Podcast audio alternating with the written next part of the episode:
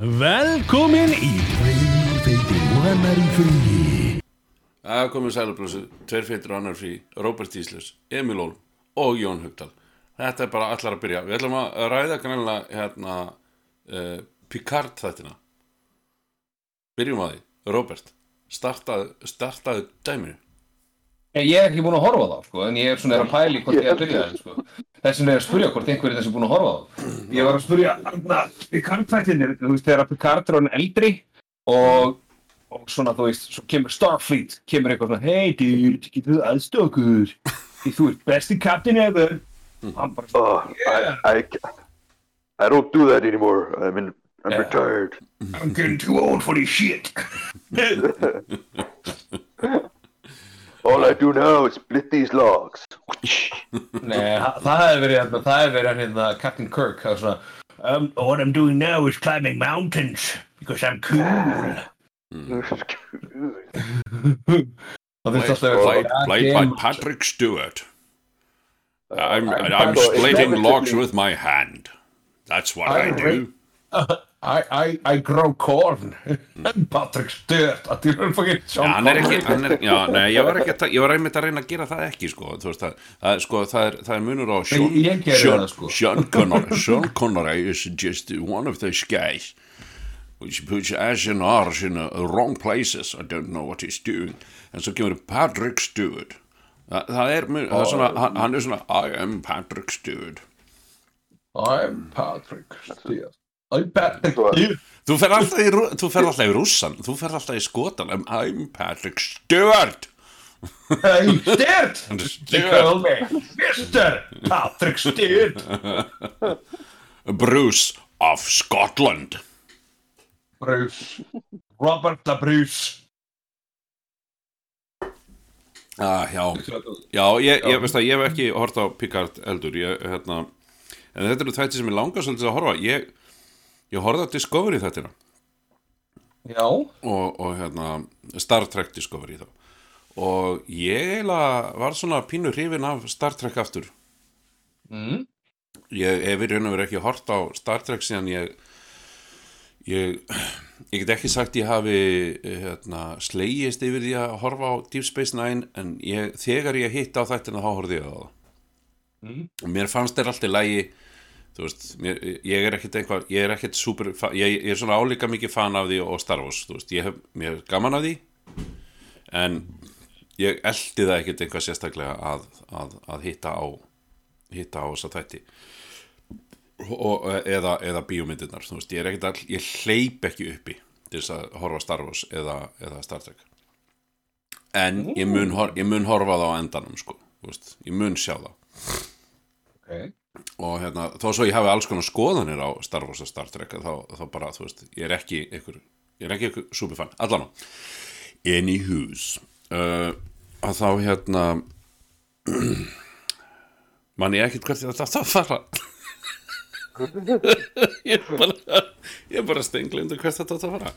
Um, já, já, já þa- þannig, þannig að, að, að það er þessuna sem ég er að segja sko, að aðdánum mín að, að því að sjá Picard aftur uh, er eiginlega bara, já mér, mér langar svolítið bara til þess að sjá þess að þætti. Uh, fyrir utan það náttúrulega Patrick Stewart er bara er bara einn af mínum svona uppáhaldsleikurum. Svona, já, ég hef, ég hef alveg ágetist dálæti af honum. Og ekki minkaði dálætið af honum þegar hann fór að hérna, fýblast með Ian McKellen á, á hvað einhverjum samfélagsmiðlunum, ég veit ekkit hvað samfélagsmiðl var, ég bara sá alltaf myndir í fítinu hjá mér á Facebook Mm. þar sem þeir voru alltaf eitthvað ha, Það er ekki bara á alltaf. Það er, er, er ekki bara... Eru ekki búin að vera svona, svona þannig vinnir? Eða voru þið sérstaklega eða, Já, þeir voru eitthvað, það þeir tóku einhverja svona serjur, einhverja svona myndaserjur af sér að uh, fýblast hér og þar á sviði, þú veist, bara baksiðis eða eða úti, úti í almenning og svoleiðis og eru, þeir eru vist búin að vera vinir alveg heilengi, sko, það er ekki var, það var svo sem ekki það, það átti ekki að fylgja sögunin endilega, sko en, en þeir voru alltaf þeir voru bara, tóku eitthvað svona grín saman og, og hafði alveg einstaklega gaman að því og, og hérna Þetta er nú samt ekki droslega langt síðan, kannski 2-3 ár síðan. Þetta, þetta var, þannig að hérna, Já, já, Patrick Stewart maður mað getur ekki sagt nafnið að sá hans að segja, þú veist, Hello, my name is Patrick Stewart. Þú veist, Það var svona. ég, herðu, ef að, ef að bara Patrick, Komdu með. Ég ætla að segja er, er eitthvað spesið dag því að með, með að verum í hérna, miðlunum á, á hérna, hérna, brennur á mér að segja ykkur frá því að ég horfði á hérna, ég og konar fórum á Riders of Justice í ger hérna, dönsumyndinu, Mats Mikkelsen Já, já, já. hún er æðisleg hún er alveg er Mikkelsennar. Er, er, er hún í áttina svona græna slátrúsið eða þessar gamlir menn og nýjum bílum eða, eða? Nei, hérna ah, býtu, hvað, hvað, hvað heitir þetta leikstjörnum hann, hann, hann hefur leikst í annari svona hann, hann hefur leikst í fleiri myndum. Uh, hann uh, leikst í ykkur mynd sem að hérna sem að ég, mig grunaði að væri hérna sambærilega sett upp út af því að sko ég veit ekki hvort það er hérna Anders Thomasen sem leikst í henni. Og hann leikst í líka Já, Green Butchers. Hann, hann hérna, já, the, gr- the gröni slóktahús. já, já.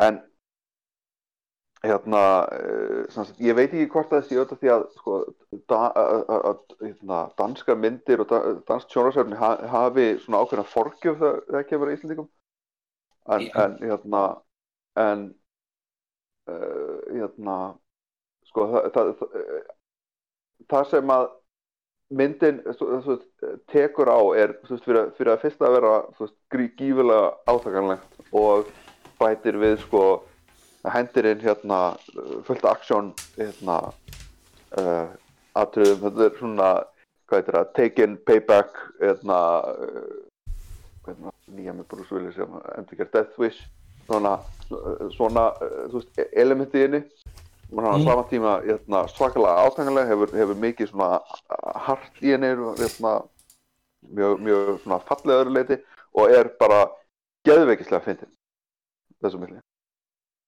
hérna uh, sko ég, ég, ég spoila einhverju af því að þetta er í trailernum en hérna uh, það, það er eitt að sem að það sem eitt karakterinn er búin að vera þykist vera, vera, vera sálfræðingur við dóttur Mhm. hérna Matt og, og hérna og er búin að vera að tala um hana að tala við hann um sko, veist, hennar veist, PTSD frá, frá því sem að ge- gerist strax í myndinni Mm.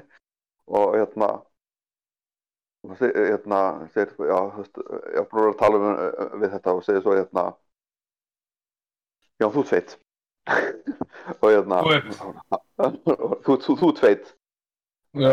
er ég, hva, er ég hvað? Já, þú, feitt og svo segir uh, og, hérna segir hann, du tugg hann er búin að vera að segja það, du, tugg du tuggulega spegipulsu lítil feit spegipulsa og þessi lína alveg fyrir mér. En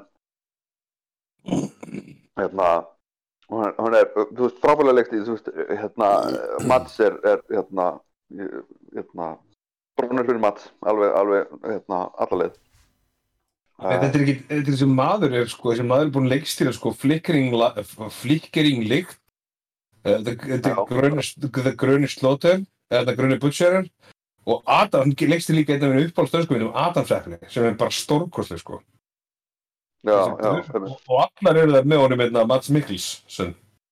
Já, einmitt, einmitt. Það var bara mjög snemma í því þegar, að, hérna, ég skilst að ég var að horfa viðtal við hann líka í gera að hann er hérna uh, þegar hann, hann leikstjórinn sendir uh, skrifa líka marga myndin hann sendir hérna, sendir handritið á Mats og uh, einhvern annan meðleikara þarna hérna, áður en að fer til framlega þetta mm. það, er, hérna, hann, hann svona hann hérna, vinnur þetta svolítið með þeim fyrir.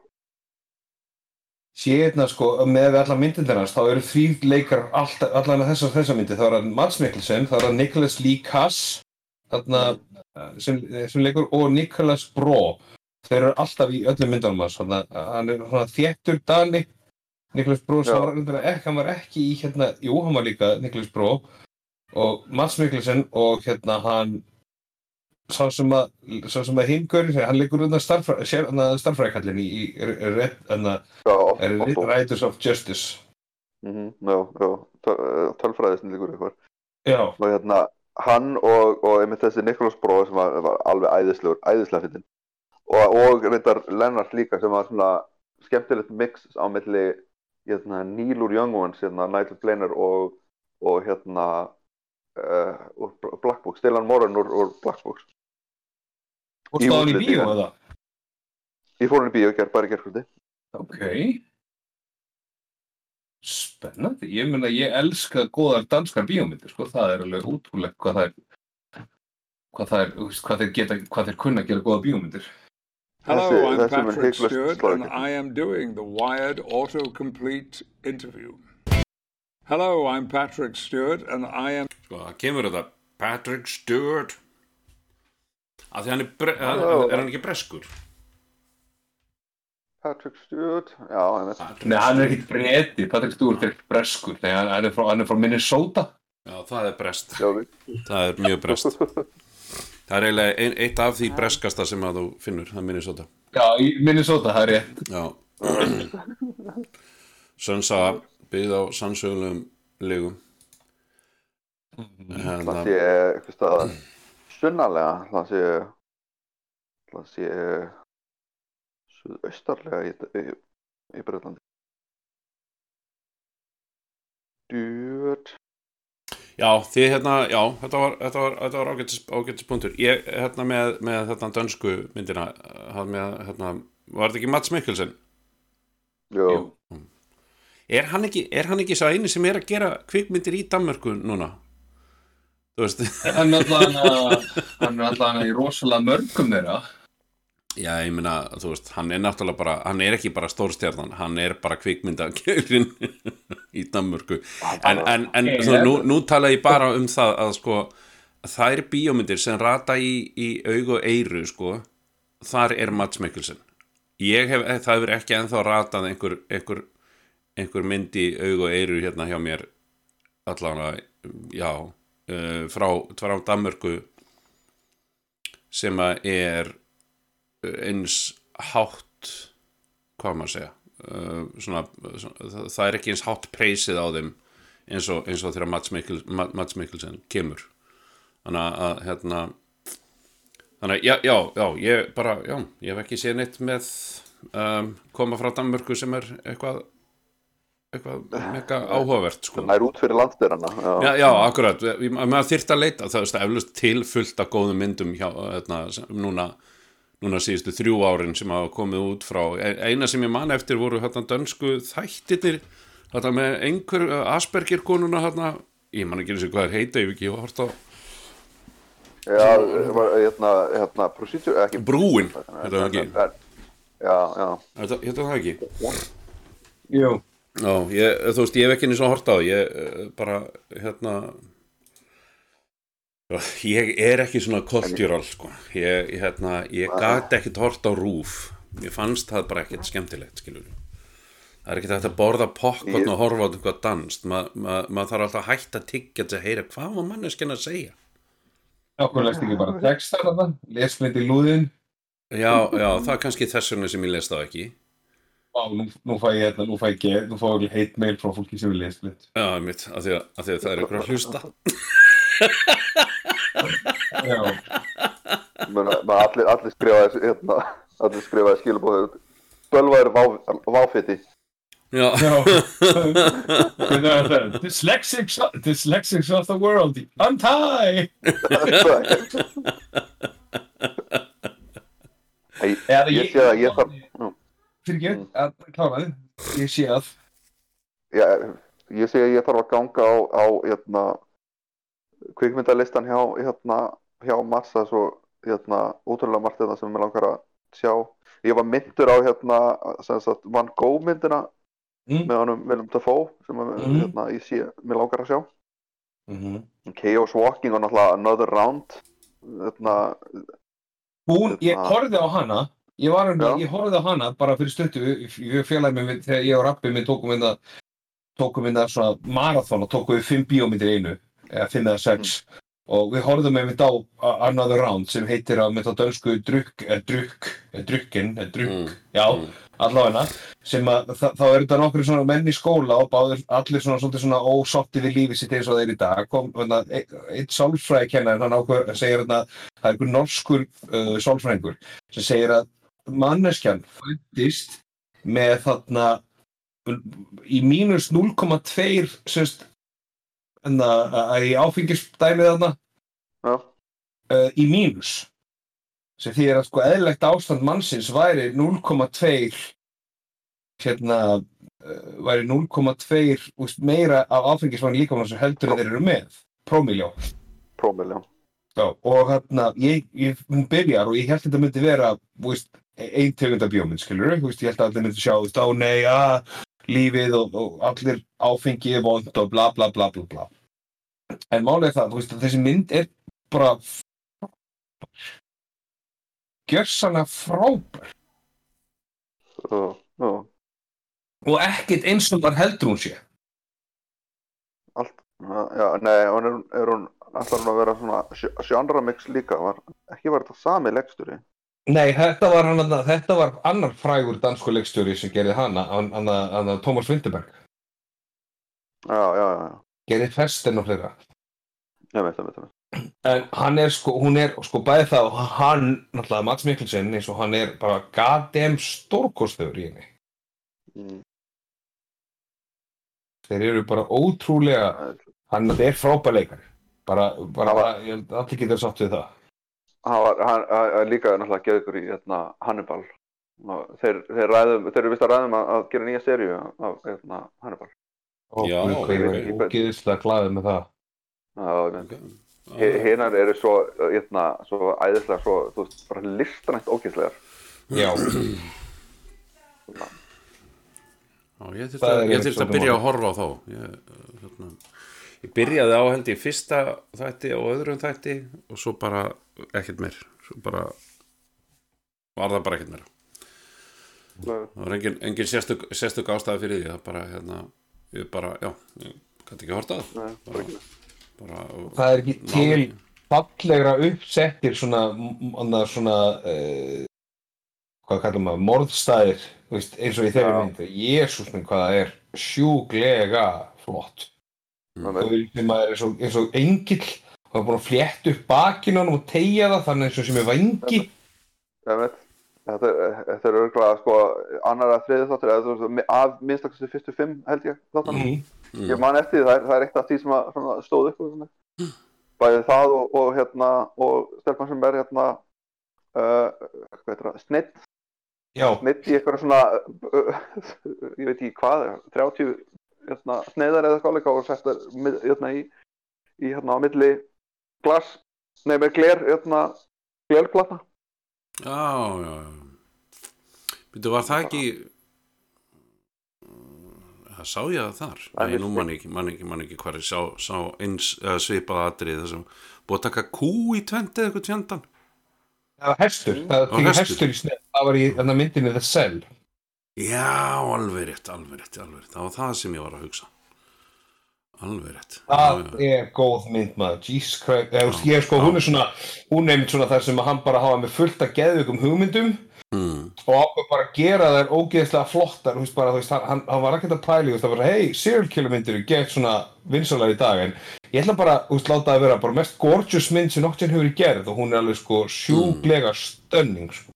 mm. Já, Það var bara virkilega, virkilega, virkilega falleg mynd Virkilega falleg mynd allt, allt á Og- síðan og bara, og, og Dinofrio já Dinofrio var bara átt þetta bara hlutverk að hann, hann bara á allt sem hann er í. Meiri þess að þegar hann leikur sko í hérna hann leikur hérna The Boss í hérna Daredevil. Uh, Kingpin heitir hann. Já. og fyrst þegar ég sá hann þá vissi ég ekki alveg hvað hlutverk hann var að leika. Ég var svona, er hann að vera Kingpin?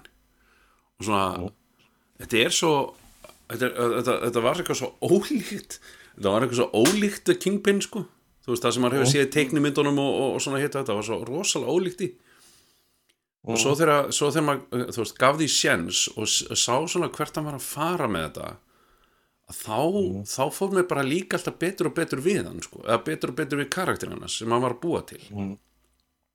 og hérna en, en hann, er, hann er alveg hann er alveg, alveg leikari maður. Hvað hva, hva er ekki hægt að setja í hendutan á hann Hann er stórkostlegur sko. meiri þess að þegar hann var, að, var hann ekki, var það ekki Kubrick með hérna, Úr Metal Jacket? Já, Full Metal Jacket Það er mynd bara sem er ógeðslega góð Mhm. en hún eiginlega svona, hún eiginlega svolítið svona borgar fyrir hversu góður fyrriparturinn af henni er með setnipartinu Mm. Já, já, því fyrriparturinn er bara gatem stórkostlegur hann er, hann er, hann er það góður að þú til í að horfa á restina Já, og hann er sko setniparturinn málega, setniparturinn er góður Já, já, það hann er vantar fínn. ekki, hann, hann er ekkert slæmur en holy fuck hvað fyrriparturinn er sjúglega góður sko. Já, og, og, og, þetta, og þetta, þú veist, þegar var að vera að ræða við Donofri og um þetta, sko, hvað, hvað Kubrick hafa sagt við hann og hvernig hann náði fram þessum leik og, og þú veist, hann er að koma þarna, hvað, eitt af bara fyrstu skiptunum sínum fyrir fram að myndavél og, og, og hann bara pónar þetta, sko, bara, það, það er ekki til, ekki til. Það er ekki til vottur af, af, af uh, ofleik eða lélumleik hjá honum, þetta er bara akkurat fokking karakteri og Kubrick hérna, var vist ekkert að, að leiðbennunum mikið en sagði bara við hann hei, ef ekki að gera þetta bara, svona og ekki bara byrja?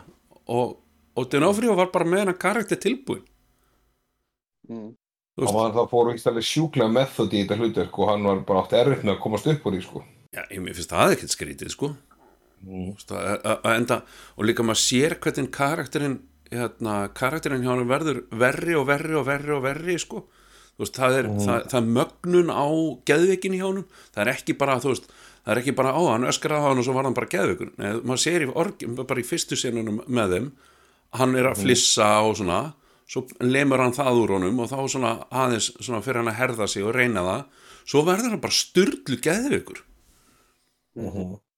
Og þetta er bara þetta, er, þetta, er, þetta er magnað að sjá Dinofri og taka bara hlutverk að sér og bara eiga einhvern veginn bara, þú veist, fyrir utan það hann er alveg stór og mikill kall. Þannig að hann, hann ásóldið hann ásóldið sko visually þá á hann oft bara sinnurnar þetta er bara eins og þegar hann var í hérna um, uh, hérna dun dun dun dun dun. Þetta er eina sem ég mann hvað Law and Order Criminal, Intent. Já, Glæpamaður í Glæpamaður í tjaldi. Já, glæpamaður í tjaldi.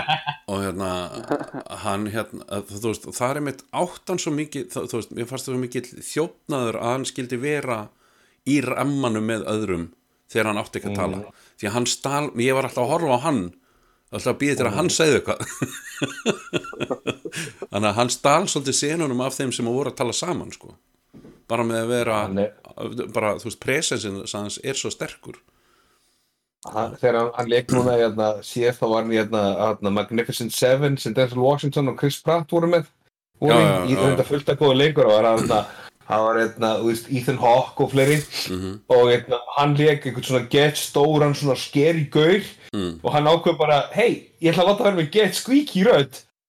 Svona nefnilega það var ógeðslega gott en þetta var bara svona, svona beautiful choice einhvern veginn. Já, já, já, bara karakterinn, karakterinn er þessi en hann tala svona. Well, I think that I leit, leitaði að því hérna, leitaði að því hérna, hjá þér hérna, veiknunni bara Vincentinn Offrjó accentin hérna, í hérna í þessu. Vincente Donofrio sín. Segi, segi, segi en hann er sko í persónulega finnst mér, mér finnst þetta að vera bara frábær leikur og einnig þegar hann leik hérna Jack on. The Cell Legend. Já. Legend my ass. Hey, he might have killed 300 crow, but he ain't never met the Pigeon Brothers before. And you saying that's Jack Horn's rifle? It was. Jack Horn's rifle. There's an army for it. Want to pay a thousand dollars for proof of death. Rifle will do. You have no body? Well, you see Lynn here, smashed a boulder over his head. Fell off a cliff. Snuck up on him, huh?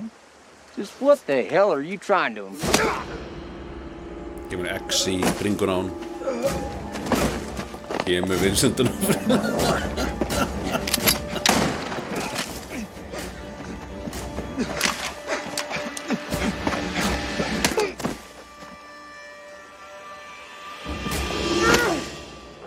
Körbstompar hann The Pigeon Brothers weren't famous very long.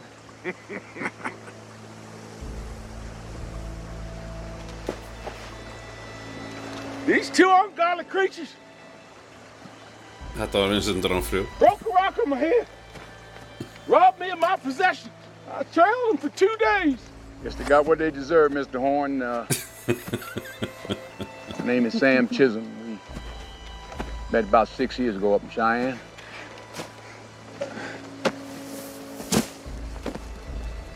Now I got a right by the Lord and by the law. Take back what belongs to me. Þetta er eins og ég segi, þú veist, það, þetta choice er bara perfect.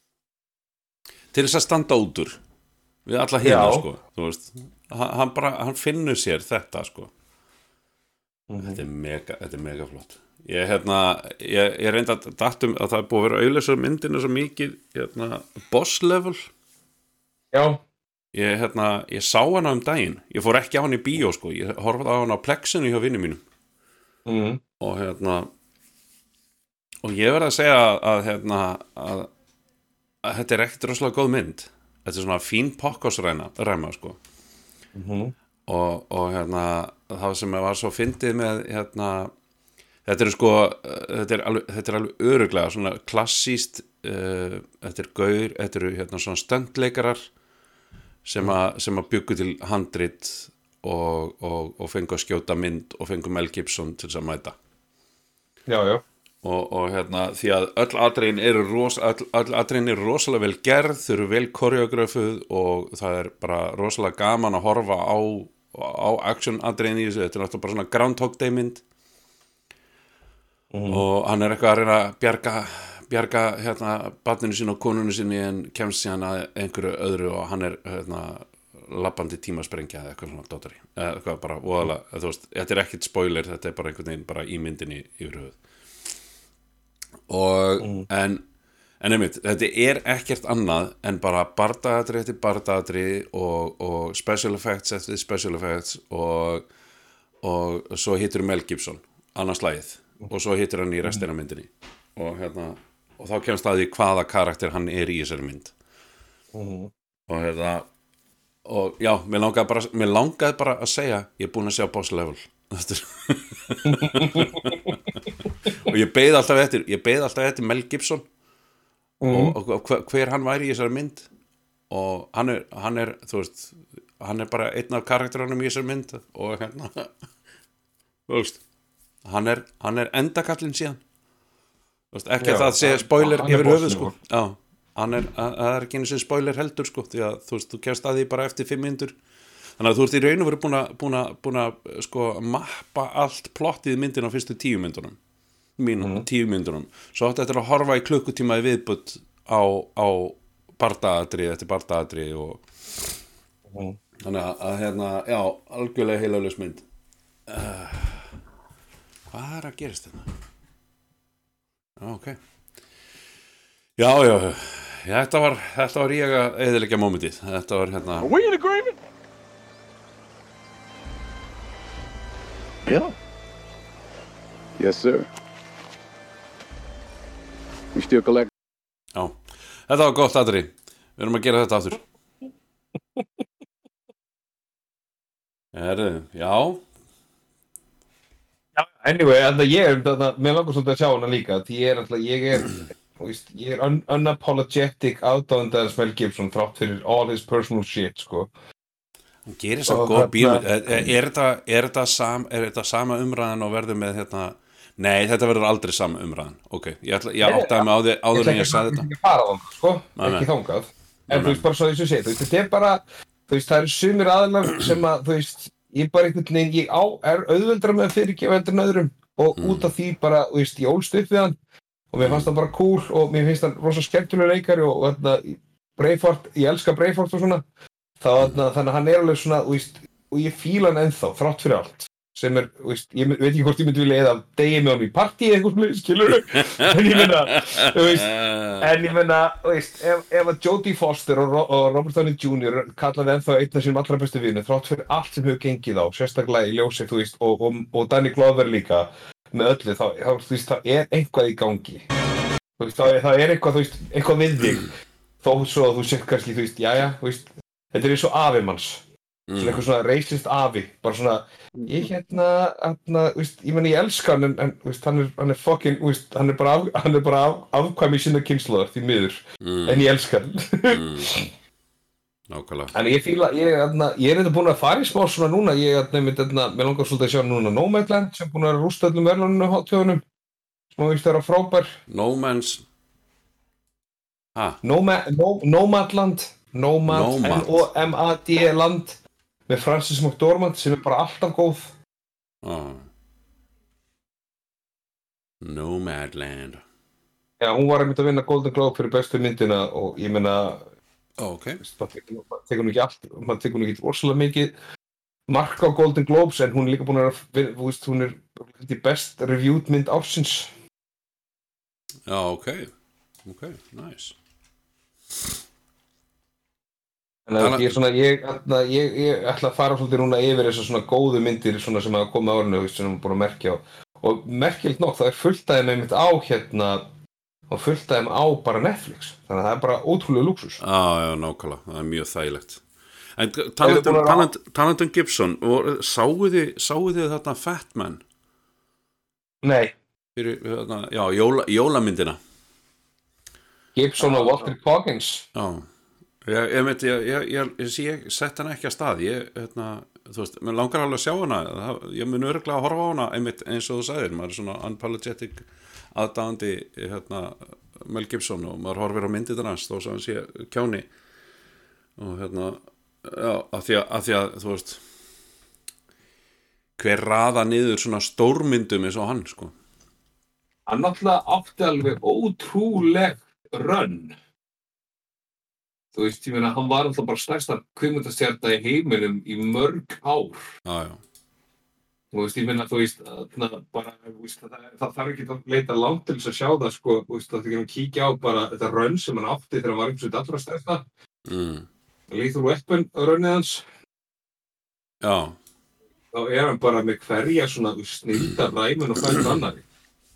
Þú veist, Já, já. hann er með, ok, núna er hann kannski ekki búin að gera þetta rosalega mikið, en ég meina, ef þú fer bara tilbaka eins og, ef við förum, hérna, ég er, að- er, að- er að skrolla niður listan hans, ég meina, ok, hann kemur náttúrulega, með, þú veist, fucking Mad Max, dude, þú veist, come on. já, já. Mad Max myndir náttúrulega allar, allar, þú veist, æðislegar, þú veist, alveg á algjörlega sér, sinn sér hátt.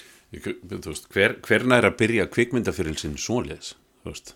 Ja, hann gerir Mad Max, svo kemur eitthvað meira svona minni svona, hérna, ástalaska myndir sem hann gerir, svo gerir hann Gallipoli, sem er frábær, sem er Peter Weir mynd, Mm. uh, Mad Max 281, The Year of Living Dangerously 82, sem var mjög, fekk um góða dóma líka, The Bounty, svo koma svona mi- minni myndir, Mad Max Beyond Thunderdome kemur 85, svo kemur Lethal Weapon 87, og svo bara kemur, Lethal Weapon 2, þú veist, hann gerði Hamlet, Lethal Mm. Weapon 3, Mm.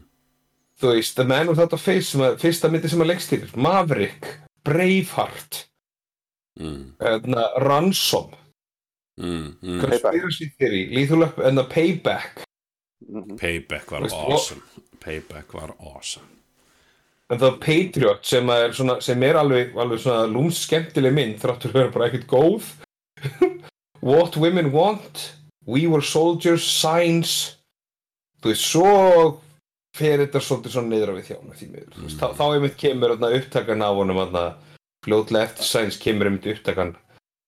Nei, og það fyrir ekki, það var eftir Passion of the Christ sem upptakan kom. Já, og hún var fljótlega eftir Signs, minnum veist, og hún var náttúrulega bara huge vinsæl, sko.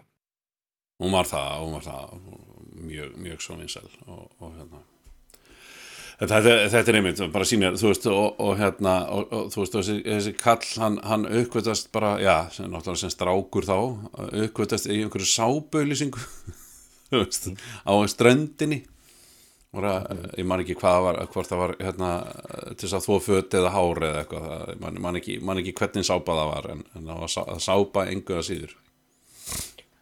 meira sem sko, þú veist, meira sem hérna, sko, hann gerir Braveheart, svo 2004 er Passion of the Christ, svo, þegar, þegar að 2006 þegar Apocalypto er að koma út, sem að er actually bara fucking góð mynd, Hún er bara, hún er er geggjuð. Ég elska, ég elska lokasennunar í þessari mynd. Ég, þegar, hann, þegar, hann, þegar hann sleppur og byrjar að hlaupa þetta er bara, bara cinematíst flottasta, flottasta atrið sem ég séð í, í langan tíma. Og ég veit ekki að þú veist þá, þá er ég kannski að byrja ekkit endilega einsmyndir heldur bara bara sýnið með senu sem er, sem er uh, í svipum dúr sem er flottari en og visually flottari og, og bara, já, bara atmosfærið og allt saman, allt einhvern veginn spilar upp í hendurnar á, á Mel Gibson í þessum atriðum þegar hann er að taka, taka upp hlaupið þar sem hann er að fara að bjarga fjölskyldunum sinni og þú veist, það er einhvern veginn allt í gangi á sama tíma og fjölskyldan þessu hugsanlega, eða hérna konan þessu barni er hugsanlega að, að drukna og hann veit ekkert að því en hann er bara að drölla sér burtu sko þá veit að þau eru í hættu. Veist, þetta er svo magnað fokkingan atrið fyrir utan önnur atrið í myndinni þegar yngarnir eru að forna og annað þetta er bara, þetta er svo uh, já, þetta er visually pleasing mynd frá, frá Atilu og, og hérna, ekki skemmti að hún var á orginal tungumáli en ekki á ennsku sem betur fokkin fer. Svo sama líka, sama saga með Hacksaw Ridge sem hann gerir, þú veist, hún er þú veist, æðisleg mynd ógeðslega flott, þú veist, barndaðurinn bara klikkuð, sko. mm. og líka bara strákur bara þú veist hérna uh, hann leik Spiderman á undan Tom Holland. Andrew Garfield, uh, Andrew Garfield. Bara skemmtilegu leikari. Mjög góð leikari. bara svona þú veist alveg, bara svona alveg algjörlega likeable gaur. Uh, og, og hérna þú veist on, on og offset sko en uh, í, einmitt, þessi karakter sem þeir eru að þú veist, hann var alvöru karakter veist, þetta er alvöru manneskja sem þeir eru að, að, portræða þarna og, og, og, og, þú veist mér, mér er alveg saman þegar hefðu mátt bæta nulli aftan á þá, þá hversu marga hann, hann bjargaði sko því að ég, þú veist það sem að þessi gaur lagði á sig maður að vera ekki með byssu í barda það er bara Það er rosa spespæling, sko. þú veist og bara þú veist var til í að forna leggja og limum fyrir það sko að bara, nei, ég þarf ekki á neitt helvítið spyssa að halda þannig að hérna, já, já, Mel Gibson þú veist, hvernig getur maður uh, ekki hort á myndirnar hans þó sem maður kann, kunni kannski ekki endilega virða skoðanir, virða skoðanir Mel Gibson, þá hvernig er, hvernig er ekki hægt að horfa myndir eftir hann. Að, þú veist, að, jú, jú, hann átti þú veist, hann hefur alltaf átt við hérna um, fíkni, fíkni já, drikkju vanda, bara fíkni vandamála að stríða, það sama, sama í hvað, hvað fótinn hann, hann stígur sko og, og hérna og það er ekkert svo sem við því að við því að gera og það er það kannski líka bara það sem að ítir undir þessar, hérna, þessar þessi skoðanarskipti hans en, en, en hérna en, en þú veist hann allan að hann hefur allan að lært að, bara þú veist sjú upp í nefið og halda kjafti. Það hefur kannski verið það meira. Það er, þetta gerðist líka með Tom Cruise, allir elskuðu Tom Cruise og öllum svo bara þegar, þegar hann dömpaði publisher, publisherinu sínum sem Já. var sko bara besti PR manneskja í Hollywood og sýstir hans sem er massífur Scientology manneskja ákveð bara þú veist að vera PR manneskja hans þá er mitt mætt hann í Matt Lauer og fór að gera þú veist, gaggrina sálfræði og þá mætt hann einmitt í ópru og hoppaði á sófa og bla bla bla þú veist, eitthvað svona þú veist, já, já, kallið minn, ég, veist, ég menna, þú veist, þú vissi, alltaf að hann væri kúkú crazy, en þú veist, það var aldrei bersýnilegt. nei, nei, nei, nei, nei, nei, og ég að, og ég held að það sé ennþá minna sýnilegt núna þessa um, þessa, þessa, þessa, þessi á, á síðustu hvað, hvað 2-3-4 árin það er mjög ósýnilegt hann í einhverju trúfélagi sko þó svo allir viti hann sé að hann er ekki auðlýsað og hann er ekki með það í einhverjum, einhverjum svona hávegum og hann er bara er að vinna við að gera kvikmyndir Yep. og það er það bara það sem hann átti að vera að gera til þess að byrja með og á að bara halda áfram að gera það og hann er mjög góður í að gera myndirna sínar og, og leggur uh, að sögn allan að meðleikara rosalega metnað í það að gera kvik, kvikmyndir og það er kannski bara sama eins og með Mel Gibson.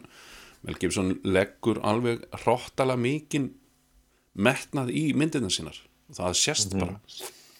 Og, og Payback er eina af þessum bara góðu þú veist ekki það. Ég, ég, ég er ekki að taka Breifart og Apocalypto og, og, og, og, þú veist, og, og hérna, We Were Soldiers uh, Pa- The Patriot, þetta eru rosalega stórar myndir og, og, og mikið að gerast en Payback er einhvern, einhvern veginn svona litla myndin, The Little Train That Could sko, hún er bara hún er, bara, virkilega fín bara svona B-mynd, þú veist, bara hardcore B-mynd. Já, já, ég myndi já, já, ok, ég, það ætla ekki að vera endilega ósamanlega að þetta sé bjömynd en hún er samt, mér finnst hún vera samt í skalanum fyrir ofan af því að Mel Gibson er í henni og hann er að gera hana þú veist. Það sem ég meina, þegar ég meina með B-mynd er að, veist, hún er bara um, þetta er bara plottið á henni, veist, þetta er bara svona lítil, svona, lítil, svona suppulegu thriller, skilur Já, já, já, akkurat, akkurat, akkurat.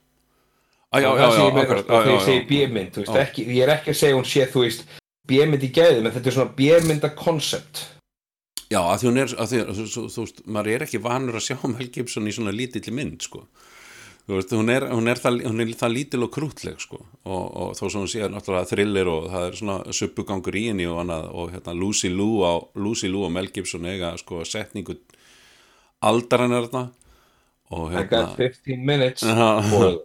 Já, go boil an egg þetta er, þetta, er, þetta, er, þetta er besta setning í bíómyndi mörg ár sko. bara hérna og líka, líka hvernig Mel Gibson segir það það er, það er algjör, alg, algjör súkulaði að heyra það Go boil an egg go boil an egg og hérna, vá, þetta hljómaði eins og eitthvað allt annað heldur en go boil an egg Ég, ég nota, ég nota oft hérna sko hérna, hérna Claw úr Inspector Gadget. Gadget. Inspector Gadget. Já, já, já. God, það voru lélega teknimyndir Holy fuck, hvað er gangi með Scooby-Doo? Er þetta ömulegt stöf Scooby-Doo. Bara teknimyndirnar Scooby-Doo Þú veist, oh my god, þær eru svo ógeðslega glataðar og þær eru svo goddamn heimskar. Ég alveg bara, þú veist uh, ég hata þær. Þær eru, þú veist, ég meina, þú veist, sorry, ég verði að taka smá rand núna um þetta mm. og ég var að mynda að skipta yfir að boomerang fyrir krakkan og boomerang er byrjuð bara Scooby-Doo stöðin Já, já. með inn á milli eitthvað sem er almennilegt Já, já, því það er Flintstone til og allt Scooby-Doo og mikið af Scooby-Doo teknimyndum og hversu oft getur þú lendi í því að fara inn í eitthvað innan gæslapa haunted house þar sem kemur í ljóða að Mr. Uh, old man veist, McCready er vondikallinn þar sem þú hætti bara að vera fucking hrættur mm, Þú veist. Mm. Þetta var, þetta var ósköp, þetta, þetta voru ósköp formuleik, sko, hérna, það var alltaf sami endin líka og enda er það, enda, enda er það ekki ástæðlösi sem að þegar það er sagt að það var svona Scooby-Doo endir mm -hmm. það er bara oh no, it's Dr. Peanut Why are you I would have gotten away with it if it wasn't for you noisy, kid, Já, you nosy pesky, you kids pesky kids Þú nákvæmlega veist, hverju fór þetta fólk ekki bara hanna svona realistic grímutækni já, já þeir, ger, þeir, eh, hérna, þeir gerðu það í, í hérna, Scooby-Doo endinum á, á, á Wayne's World. Eh, Já, tóku, já, hérna, tóku grímun af Rob Lowe. It's old man wonders. já, já, já, já Herðu, úr hvað bíómyndi er þetta atrið? Ég, ég ætla allan að vona að þið heyrið þetta en úr hvað bíómyndi er þetta atrið? Assume the duties of the office of sheriff in and for the township of Rockridge. Gentlemen, gentlemen, let us not allow anger to rule the day.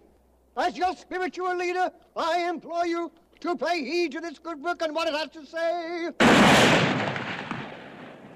Son, you're on your own. Blazing Saddles Já, já, nákvæmlega Skemmtilegt Skemmtilegt Þessi mynd er nefnilega komin á watchlistan hjá mér sko Ég hef, aldrei, ég hef séð brot ég hef séð fullt af at- atriðum með myndinni og aldrei séð hann alla Hefur aldrei séð hann alla? Nei Í alveg, hún er snild Aldrei sest niður. Aldrei sest niður til þess að horfa á hana bara, að, þú veist, aldrei viljandi sko bara, bara aldrei komi, ekki komið fyrir að Já það er bara ekki komið bara ekki komið fyrir hmm. Getur alveg sagt að það var aldrei séð Young Frankenstein. Nei, þetta var nú bara dramatístögn Þú hefur séð hana, það ekki? Jú, og hérna ég, hérna, meiris að sko, ég meiris að týndinni líka. Ég fekk hann að lána það hjá, hérna, hjá, hjá vinnu mínum um, á, á Vaff bólu með íslenskum texta. Og hann sagði að þetta er mjög mjög, hérna, þetta er mörg ár síðan 25 ár síðan kannski Nei, kannski ekki svo mikið, 23, 2 ár síðan og þá lánaði mér Vaff bólu og hún var með íslenskum texta og hann sagði þetta er eitt af fáum eintökum af Vaff með íslenskum texta sem eftir er á Íslandi. Og ég sagði bara, já, ok, bara fór heim og setti til tækið og eitthvað og, og horfði á myndina og hún er náttúrulega bara stórgóð og skemmtileg og allt það og hlóa öllum og, hlóa öllum atriðunum og Marti, Marti, Marti Fríman er náttúrulega bara Feldmann. Feld, Feldmann, sorry, Fríman er, er hobbitin uh, Marti Feldmann er, er náttúrulega bara algjör, algjör, algjörlega, hann stilur heimitt, hann er svona á fröðu í myndinni, leðið hann er í rammanum þá horfur alltaf á hann og hann stilur bara ramman, rammanum bara í hvers skipti. Og svo uh, náttúrulega bara ég elska Gene Wilder og, og, og hérna og, og hérna Madeleine Kahn er eitt af mínu svona hérna þú veist um, já, eitt af um, hvað hún maður að segja? Hún er ég, ég var alveg ég var alveg sjúglega skotin í henni þegar ég var krakki. Alveg sko bara, bara, já, bara ástfangin af því að horfa á hana í bíómyndum og bara, þú veist, já og, og gemd hana öruglega undir, undir kottanum sko, en, en hérna já, eitthvað, eitthvað var það við hana sem ég bara algjörlega fjall fyrir og, og hérna e, svo svo fyrir ég vinnuna eitthvað eitt daginn og hérna glemdi, glemdi að taka spólunum með mér og svo kem ég heim þá hefði pappi farið með tækið í viðgerð mm. og spólan var í því mm. oh my god og gaurarnir stálu spólunni nei. E, e, því að ég, ég þú veist, ég, ég sagði, ég var að nota tækið síðast, það var engin annar að nota tækið, hulstrið var heima skilur, utan að myndinni. Hann fór með hann í viðgerð og svo þegar tækið kom tilbaka þá var, var, ekki, var spólan ekki í tækinu. Og ég ringi nýri til alveg bara herri strákar, það var hérna, spóla í tækinu sem var hérna. Young Frankenstein, ég þarf að fá hann aftur. Þeir bara neituð og ég var náttúrulega búin að Það leita ekki hátt á það var ekki spóla í tækinu ég leitaði hátt á látt að helvit spólunni og það bara, fann, hún fannst ekki heima hjá mér og það var nú ekki eins og að það var marga spólur heima hjá mér við vorum Nei. ekki miklu safnar við fluttum svo mikið að, að hérna, það var ekki hægt að safna vaffa á S-bólum sko. Mhm. þú veist, og það var ekkert ástæðlausið þegar ég hérna, byrja með konunum minni að all, að, allt mitt safn var í pappakössum að bara, veist, það tók því ekki að taka það upp úr og hérna og, og hérna þannig að, já, þannig að þetta er alveg sko já, það var mjög sárt að, að týna þessari spólu og hérna, og ég borgaði hann um hana ég man ekki hvað ég borgaði fyrir spólu ég bara, þú veist, ég, ég sagði bara settu bara verðið og ég bara borgaði það, sko. Þú veist, það er ekki og ég held ég að borga 15 skall 98 okay. fyrir, fyrir spóluna. Og ég sagði bara, já, ef það er tilfinningarlega gjaldið skilur þá bara, já, bara ekkert mál ég borgaði önnur kona sem að var einmitt á þessum tíma sem alveg bara hellaði mig alltaf skónum, upp úr skónum. Það voru hérna Bernadette Peters líka. Oh, já, Bernadette Peters, já já, já, já, já, já. Ég ætlaði einmitt að minnast að hana vegna þess að ég, ég er mjög gert ná að slá þeim saman. Jaha. Bernadette Peters var æðisleg í hérna, í hérna The Other Brother, nei, hvað heitir, heitir ekki? Sherlock Holmes The Other Brother, eitthvað Sherlock, Sherlock Holmes Smarter Smarter, Smarter, Brother. smarter Brother, Það var, það, ég algjörlega elskaði hana, að elskaði hana þar sko. Það er líka sátt saknað þe- það er maður, Gene Wilder er maður. Oh. uh, það sem ég elskaði þann mann. Það bara, veist The man who could not gerði- do wrong sko, það er bara Ég gerði mér aldrei grein fyrir því hvað hann var gaman Ég bara, þú veist, ég, ég var því ég sá hann í einhverju, einhverju viðtali bara örfáum árum, árum áður en hann dó og hérna hérna, þú veist, hann, hann bara oldest time, sko, það leit út fyrir það Já, hann var alltaf svo áttræður snemma. um það bilið. byrja við, þú veist, við erum, við, við erum að átt okkur á því við erum að horfa, þegar við erum að horfa hans best of þá er það í kringum 70 sko mm. Gene Wilder var bara veist, og svo þegar hann er að gera þarna í 80 eitthvað, veist, þá var hann hvað orðin, uh, bara gangi, sko, gangi 60 þegar hann er að leika með uh, honum hérna Richard Pryor. Richard Pryor? Mm. Það- Kahn var hérna Adventures of Sherlock Holmes. Já, já, ha? Ekki Bernadette Peters. What? Sko, hvað verður ég að segja? Það er þetta sláðum saman? Það eru bara það eru bara stórkastlega Ok, um, hérna Bernadette, Bernadette Peters var í, í hérna um, um, var í hérna Pennies, pennies, The from, Jerk? pennies from Heaven og The Jerk. Já, Já, Jerk. Hver, hver gleymir henni þar? Það var ekki Magdalene Kahn. Ha. Þetta er hérna, hérna uh, það er uh, hérna það er eitt af, það er bara eitt af mínum uppáhaldsadriðum með, með henni sko. Það er, það, Nú þarf þú ekki að býða með að setja Nú. gluggana í. Þinn ekki býða þá með. Já, já, hver, hver glemir ekki glemir ekki þau áttrið Ég býða með gluggana, kallum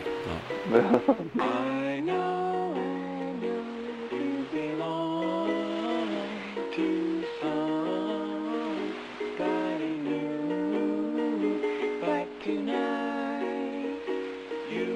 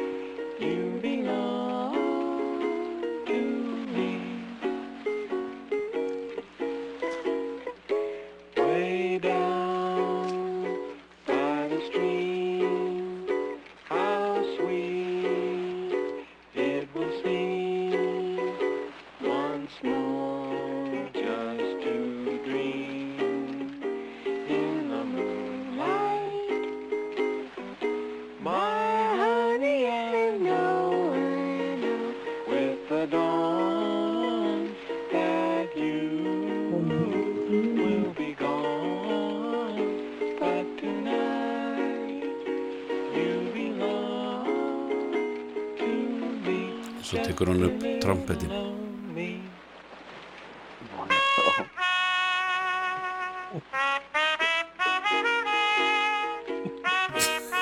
þetta er svo yndislegt atrið Þetta er, þetta er ein af bara ein af topp fallegustu ástarsinnum sem ég hef séð. Ég, ég, ég, lí, línan sem kemur á eh, dialog sem kemur beint á eftir, eh, eftir þessu þegar hún hættir með, með trompetin mm.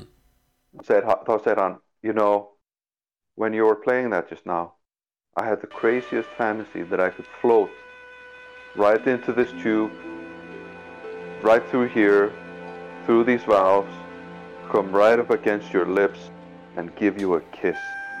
Why didn't you? Well I didn't want to get spit on me.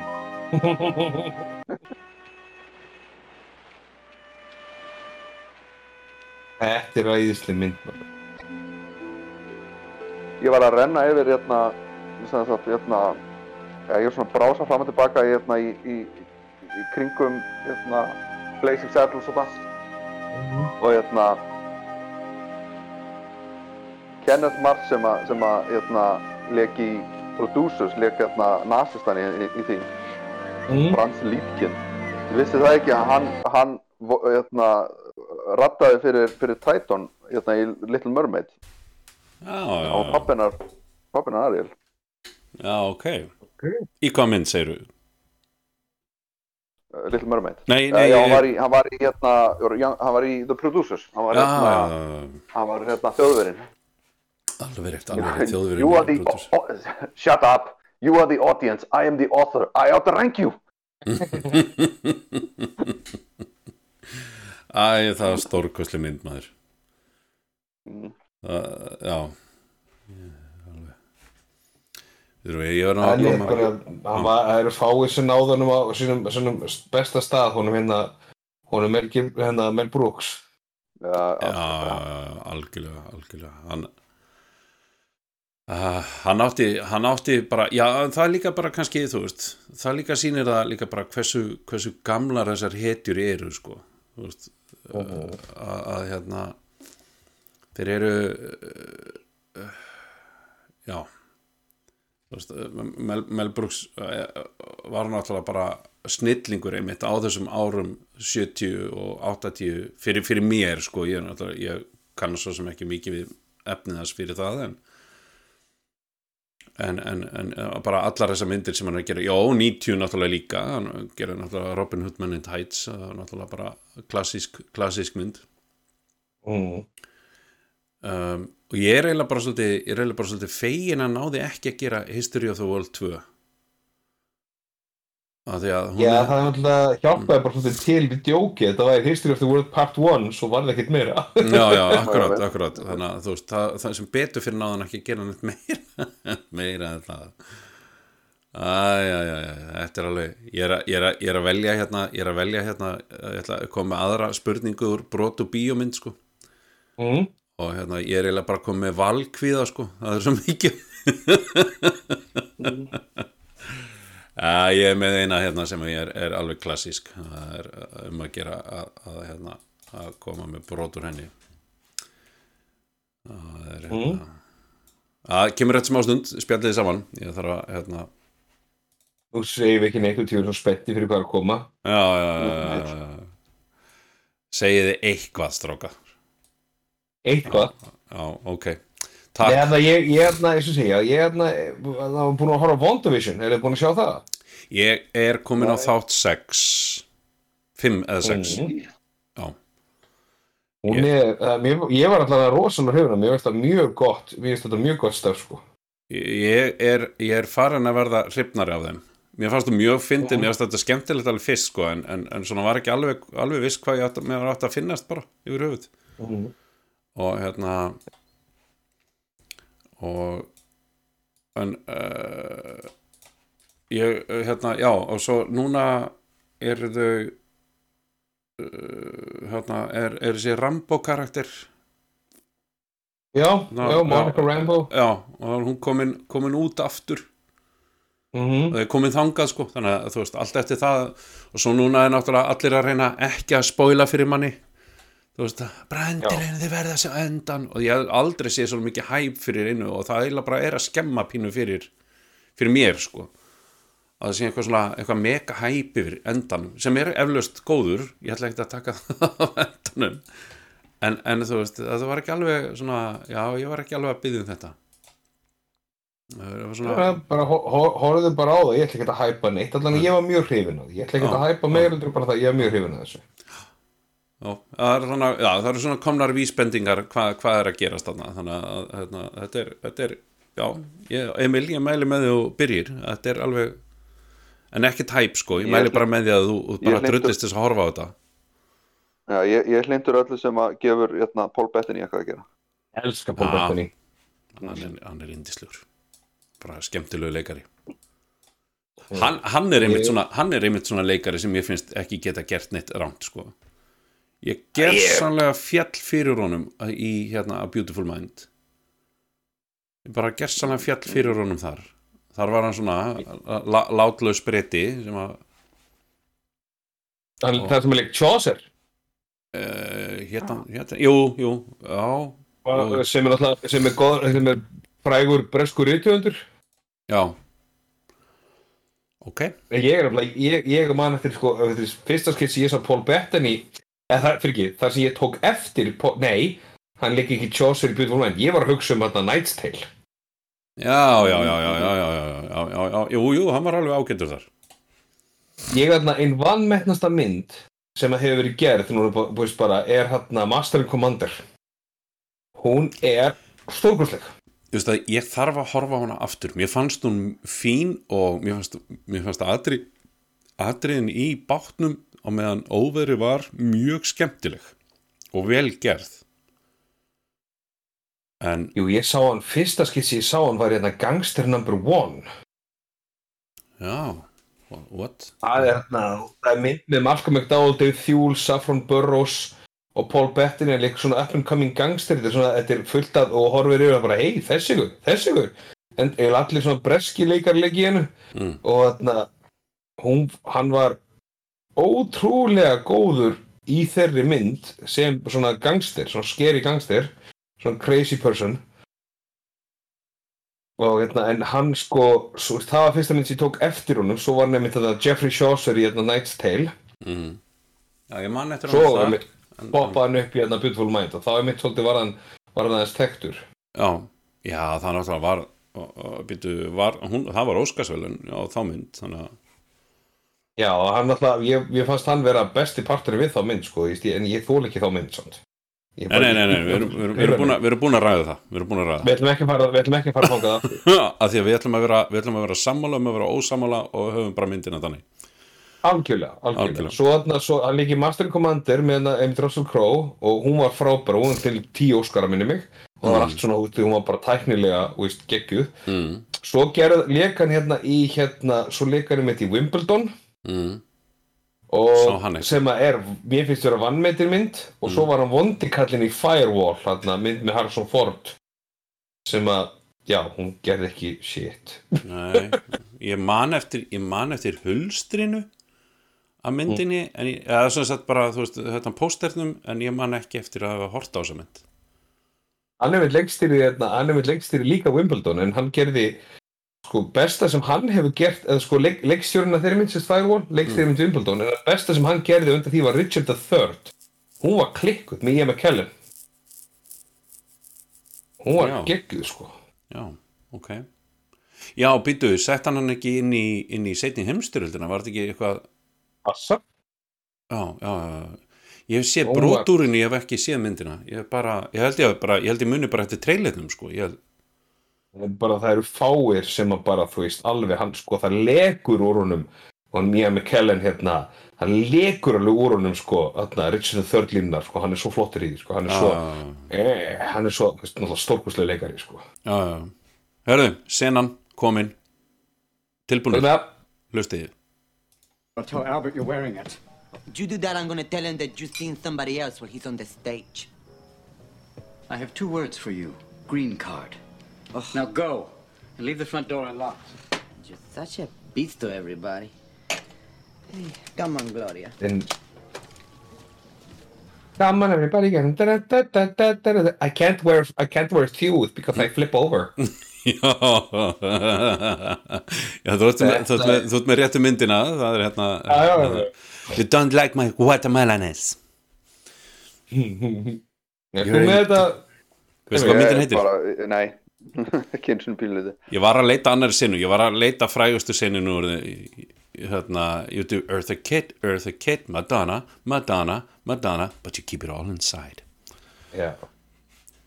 Nafnið, þetta, er var- Robin Williams og, og Nathan Lane. Nathan Lane og, og þetta er bara Já, er þetta, hérna- Gene Hackman er í þessari mynd Er þetta, Wiest, hérna, Kallista Flokkart Birdcage, Birdcage. Já, þarna Yes. koma Hanka Sarja þetta er bara Birdcage. Birdcage var myndin, Ketlin Ketlin Já, það getur vel verið að við höfum tíma fyrir eitt, eitt, eitt quiz í viðbót en, hérna, en mér tekst alltaf að eðilegja, eðilegja hérna, momentin almennilega þannig að ég hérna, þannig að ég næði að slá svolítið niður hérna, slá svolítið niður taktin á því sem við vorum að tala um. Við vorum að tala um Paul Bettany. Mm. og ég held að mitt að, að, að hérna ég held að það sé það, veist, e, það er ekki það ég fylgist það vel með honum að ég viti hvað er svona up and coming hjá honum en ég er alltaf, Mhm. er alltaf svona uh, það, það er alltaf ákveðin kátína að það er alltaf ákveðin kátína að heyra að hann er í myndinni. Eða þú veist, eins og í Iron Man þá hafði ég ekki hugmyndum hann var í myndinni sko. ég hafði ekki grænan. Og svo þegar ég heyri þá er það bara ah, Paul Bettany þarna, ah, nice það er bara svona, svona kirsuberin, kirsuberin á rjóman sko. Veist, hann, uh, hann, er, hann er það hann er það, að mér finnst hann það skemmtilegur karakter ég... já, já, já, já. En talandi um Con Air. Nei, tjók Já. Nei, það þá, er einn besta þá, versta mynd sem ég sé. Það, er alltaf hægt að horfa á hann einhvern Já, veginn. er er hún er svo vond en hún er samt svo skemmtileg. Það, það, það er svo fyndið að, að, að þessi tveir að þessi tveir leikarar geti verið í þessari mynd að leika sko hérna, Nicolas Cage og John Malkovich séu í þessari mynd að leika sikkvort, sikkvort svona íkta karakterinn. Og, og, og einhvern veginn náður samt að einhvern veginn, þú veist ég, ég sé alltaf svona, hérna, svona hanaslag fyrir mér þar sem hanar eru svona að horfa hvort hann að lappa ringin sko með svona vangina Mhm. úti sko þú veist, ég, ég sé þá einhvern veginn fyrir mér í allri myndinni verið að gera nákvæmlega þetta en án þess að svona klassa einhvern veginn alveg sko Mhm. og hérna, þannig að já ég, þetta er uh, en, en samt einmitt, senu þjófurinn í myndinni hver er hann? Í hérna í, í, Í Conair. Conair Já. Gaur með bílinn eða? Nei, Er það það, það er eitt sinu þjóðurinn sem stelur alveg eh, þeirri sinu, þe- þeirri sinu, þeim sinu sem hann er í og, og hérna og svo syngur hann alltaf eitthvað lag já, þetta tala um hann hérna tala um hann hérna oh fucking hell, okkur kemur ekki Steve nafnum fyrir Buscemi. mér? Hann gaur, hann hann gaur. Steve Æ, sem Buscemi er firefighter líka. Hann er Buscemi. slökkuliðinu Steve Buscemi. Steve Buscemi, besti vinnur hans að kemur inn í Já, hérna kemur inn í hérna Hannibal Lecter búningnum og, og, og sleppur síðan úr flugvélinu og er, er á einhvern róluvelli. He's got the whole world in his hands he's got the Do you want to, you want to hear the definition of irony? On, the, on, the full, on the, an airplane full of cons taking off singing a song by a band that all died in, a, in an airplane crash. Hmm. Já, já eins og ég segi, þú veist, og ein besta vestamyndin sko, hún er bara hún er bara virkilega skemmtileg þú veist, þetta er bara svona skemmtileg svona mynd og hún er eiginlega svona, er svona hún er eiginlega svona aðna, hápunkturinn af þessu myndum hjá aðna honum aðna Brockhammer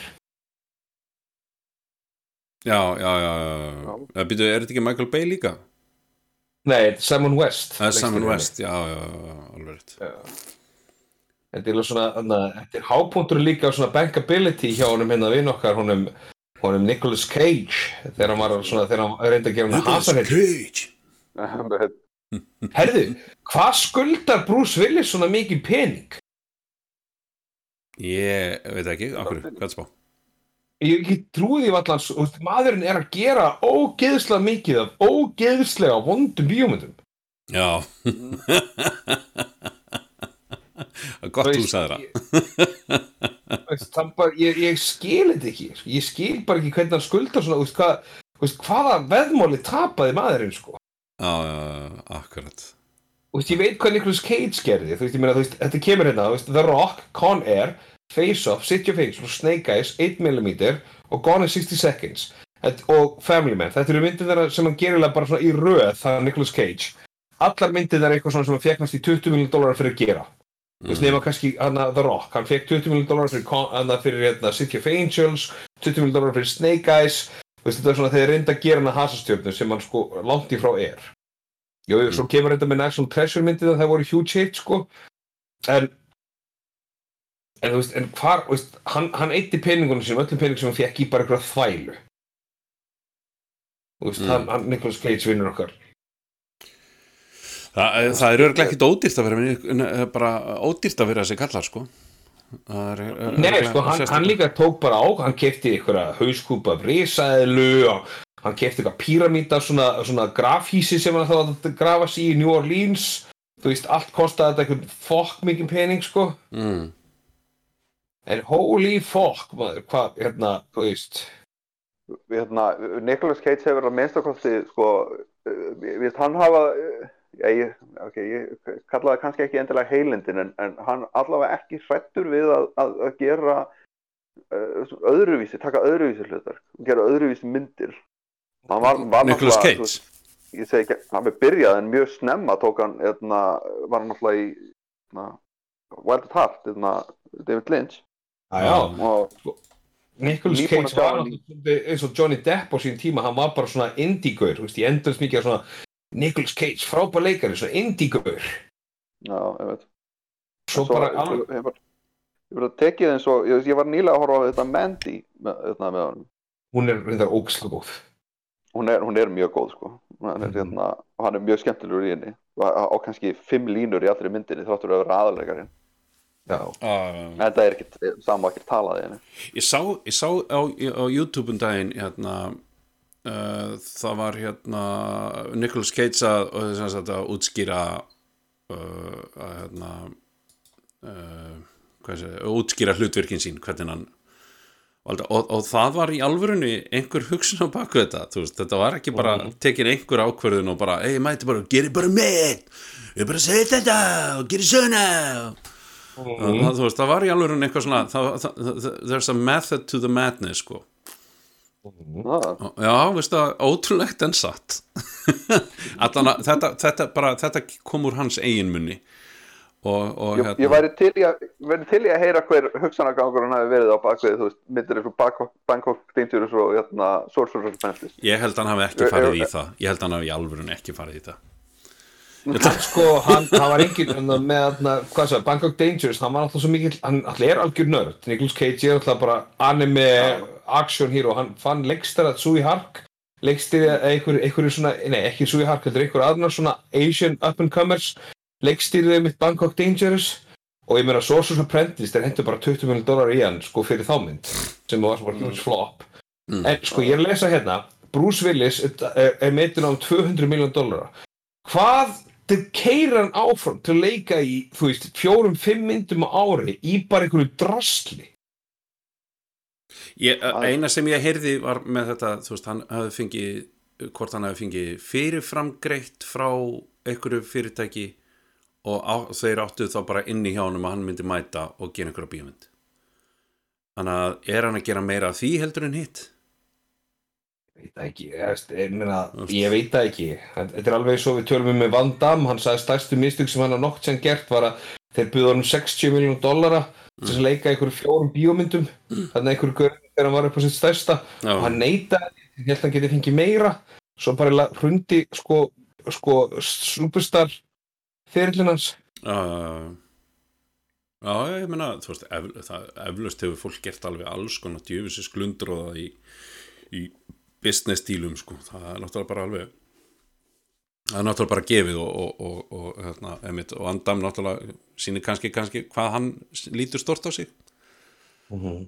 þú veist, það er bara, já, þetta var ekki gott pókermúf allan sko, getur verið að, að hérna, Bruce Willis sé bara svo takmarkaður sem hérna, leikara neðist til þess að vera bara í actionmyndum að það er ekki mikið að gera fyrir uh, mann á hans aldri Ég, ég, held sé, ég held að sé svolítið svolítið, já, ég, ég er sammála þessu, þessu kommenti því að, að hérna, því að hann uh, er hérna uh, hann var það ekki sko, þú veist, þegar hann tekur Die Hard að sér, þá var hann ekki svona takmarkaður, hann hafði miklu meira reyns og miklu, miklu fyndnari heldur en hann var, en núna er hann bara búin að skapa þessa personu sko. Nú er þetta bara, nú er þetta orðið bara svolítið nelt í stein, þú ferð ekkert að sjá hann leika í myndum sem að eru eitthvað mikið út úr karakter fyrir John McClane. Sjötón John McClane. síðastliðin tíu ár er Bruce Willis búin að vera í 37 myndum. Wow. þú veist bara og þar af er meir en helmingurinn Die Hard framhald Nei, menn, menn, helmingur því er bara eitthvað svona straight to DVD bullshit sko, eitthvað svona Já. myndir sem er bara svona hvað er þeir að gera í honum, hann svona og svo er hann bara basically farin að slípa okkar gegnum allt, hann bara læri línuna sín og kemur og og svo bara bye, þú veist það bara where's my money Akkurat, akkurat Herðu, næsta, næsta movie quiz Úr hvaða mynd er þetta? þetta verður, ég held að þetta verður pínu erfitt en, en hérna, ég held að þetta verður erfiðara en það sem við vorum búin að vera með uh, Go, go What do you want? Look, Dear God, I'm terribly sorry, sir. we must go to her. We must? Toot sweet. She needs me, and I need Nei, það. with my bags and so eh, Þetta er hérna Ég ætti að vita þetta, ég er búin að horfa á hana fjórusunum told him Þetta er hérna? Five minutes. Do it, and bring a bottle of the Puy Jouvet 26 in an ice bucket with two glasses so we don't have to drink the cat piss they serve in the dining car. Grand Budapest Já, Budapest. yep. passar e, Þetta er mynd sem ég, er einmitt, ég held að ég er búin að horfa á hana tíu sinum og örgulega oftar Æð. Ég get bara ekki að horfa á hana Mhm. Það er örgulega þess vegna sem ég er ekki búin að sjá Blazing Saddles af því ég hef ekki tíma til þess að því ég er að horfa á Grand Budapest Hotel eða bara vestkreifin myndir mér finnst vestkreifin myndirnar bara þú veist, ég hafði engan smekk fyrir þessu þegar ég horfði á hérna, The Royal Tenenbaums Nei, þetta er Wes Anderson. Andersen sagði ég Anderson Ah, Wes Anderson. Wes Anderson? S- hvað sagði Wes ég? Anderson. já, sagði ég Þú sagði Wes Craven. what? sagði ég það? Já. Wow, ok. Uh, ég verði að hlusta á upptökuna og hérna slá úr þessu máleitanum en allana, Wes Anderson ég, ég ætlaði að segja það en ég hafði engan, ég hafði engan hérna uh, hafði engan smekk fyrir honum ég, uh, þegar hann var að gera Royal Tenenbaums. En ég er búin að horfa hana miljón sinnum núna sko. ég bara einhvern veginn varði gersanlega ástfangin af hans kvikmyndastíl. En Grand Mhm. Budapest Hotel bara hættir ekki að vera leðileg Hættir ekki að vera góð, mennur það, skemmtileg. Jésús minn, hvað er í gangi með þig? hún hættir ekki að vera leðileg Nei, hún hættir ekki að vera góð. nei, Hún var aldrei leiðileg var, var hún ekki Er hún ekki leiðileg? Finnst hún leiðileg? hún er hættir aldrei að vera leðileg Finnst hún alltaf leiðileg? Nei, ég er, ég, ég er, nú er ég bara að ruggli ykkur En hérna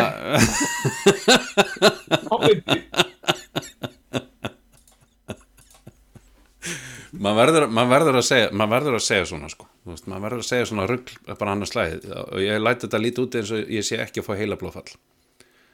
Já, ok. Gefle. Hefurumli Halló, gaman að heyri ykkur. En uh, já, uh, I need TP for my bonghole um, Já, Þegar, hérna, þegar þetta allt uh, er sem sagt uh, veit ég hvort það sé augljósara hérna, hjá Wes Anderson eða bara, bara til því að hérna, tala mér um það en þegar, þegar þú veist, hérna, sagan er svo vel skrifuð og, og hérna, uh, kvikmyndatakan og, og sviðsmyndahönnunin og, og leitapalettan og allt þetta ítir svo vel undir það þá, þá gerir það að svo afskaplega ánægilegu hérna, áhorfi Mm. mm. Eins og það gerir hjá honum Já, já, algjörlega Því að hann ræður allir byrju, Var það ekki hérna Mr. Fox, nei, hvað heit hún? Jú, Fantastic Mr. Fox. Já, var það ekki Wes Craven, nei Wes Anderson Svo, svo gera líka þarna æðislu þarna, The Isle of Dog sem ég veist, Isle of Dogs Já, já, já, já, já, já, já. Al, al, alveg, algjörlega Ok, nú þarf ég aðeins að svo ég, hérna, svo ég sé ekki að klúðra þessu alveg bara gessanlega upp á upp á herðablöð, sko. Mér, er mér veist það líka eins og með Moonrise Kingdom er frábær líka. Þú veist, Moonrise Kingdom er, er æðisleg og hann að, þú veist, uh, sko, ég, ég hef alltaf, ég hef alltaf elskað hann alveg frá því ég sá, sko, Bottle Rocket og fyrsta, fyrsta myndi sem ég sá með hann, svo, þarna, eða reyndar, sá ég fyrst Rushmore, svo sá ég Bottle Rocket, Já, já, já. sem er fyrsta myndi. Svo Mér fannst það ég Rushmore hrikaleg, sko. Mér fannst hún ömuleg Ég hef ekki hort á hana Ok. aftur en ég þarf Já. öruglega að gera það aftur fyrst að ég er búin að fatta hvað hann er að gera Mm. Það, það, það, það er bara svolítið svolítið Isle, Isle of Dogs, byrju, sá ég hana ekki? Nei, ég er ekki búin að sjá hana Isle of Dogs. Já, Isle er of Dogs, já, já. Ok, ég á greinlega eftir að sjá hérna nokkra myndi með hana hm, ja, já, ég- það er bara veistla svona fyrir mig Life Aquatic fannst mér líka frábær Life Aquatic var einmitt uh, það búið að segja mér hún væri svo léleg en ég held að sé einmitt Mm. frá fólki sem er ekki að fíla stílinas er ekki að fíla þessa frásagna þessa frásagna hefleika sko. Mm. uh, mér fannst hún, mér fannst hún dásalega var, býtu, var það með nei, hvað mynd var með skátunum? Það er Moonrise Kingdom. Já, já, já, já, ok. Hún var, mér fannst hún æðislega líka, ég var mjög hrifin af henni Ég er alveg samanlega því, mér finnst hún alveg æðislega sko. Ég er það- það var- algjör sökk fyrir það sko. Það var ástarsaga sem, að, sem að var ekki hægt að segja betur heldur en þetta sko. bara, bara indisli, indisli mynd. Er, já, það, það er nefnilega Wes, Wes, And, Wes Anderson er ekki allra en það er það er einmitt, það er svona method to the madness, það er ákveðin frásagnastýla það sem að maður þarf bara ekkit endilega að fíla heldur bara að, að, að þá annarkvort að horfa framhjá og, og hérna og sjá að hann er að segja sögu sko. Og hann er að segja hana mjög vel. Hann er bara einn af þessum leikstjórum sem gerir bara mynd nákvæmlega eins og hann vil gera hana að bara algjörlega og, og, og Mhm. hérna The Darjeeling Limited líka uh, fannst alveg bara uh, hún var súper skrítin hún var svona mm. Mhm. með, við, með við hann þá hún skrítin en einmitt þú veist hafðið samt tilgang hafðið samt tilgang sem að, sem að eh, er ekkit endilega augljós en hún hefur samt tilgang til að segja, segja þessa flottu sögu sko Mhm. og, og ég hef ekki ennþá, ekki ennþá hitt hann það sem að sagan er ekki alvörinu áhugaverð þó svo ég sé ekki endilega dialogin er náttúrulega eins grítin og hann verður eins og við töluðum um eh, hérna, í fyrsta þættinum okkar þegar við töluðum um The Lobster.